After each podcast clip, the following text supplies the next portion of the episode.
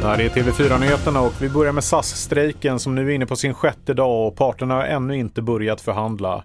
Och samtidigt som SAS förlorar uppemot 130 miljoner kronor per dag så drabbas tiotusentals resenärer av inställda flyg och extra kostnader. Pengar som kan ta tid innan man får tillbaka. Vi hör Nora Shoki som är juridisk rådgivare på Konsumentverket. Det finns som sagt ingen tidsgräns men Ehm, det man kan göra om man anser att flygbolaget har tagit alldeles för lång tid på sig att ehm, återbetala det är att man kan vända sig till Allmänna reklamationsnämnden för att få sitt ärende prövat.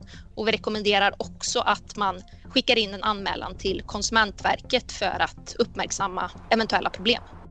Regeringen utreder just nu om det ska införas kameraövervakning på slakterier. Syftet är bland annat att stärka djurskyddet i Sverige, men flera slakterier tycker att idén är både orättvis och kränkande. Sofia Magnusson och hennes man driver Ljungskile slakteri och de är inte bekväma med att vara övervakade i sitt arbete.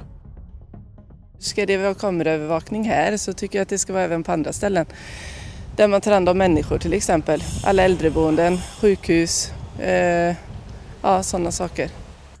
Att bli förbannad när man är hungrig är ett fenomen många känner igen och nu har forskare tittat närmare på det som på engelska kallas för hangry och konstaterar att det tycks finnas på riktigt.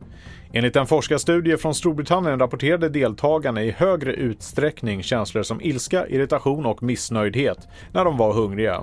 Enligt forskarnas analyser kunde hungern förklara 37% av fallen av irritation och 34% av fallen av ilska Forskare har förklarat detta med att när vi är hungriga blir vårt fokus att skaffa mat och då blir vi sämre på att kontrollera oss själva.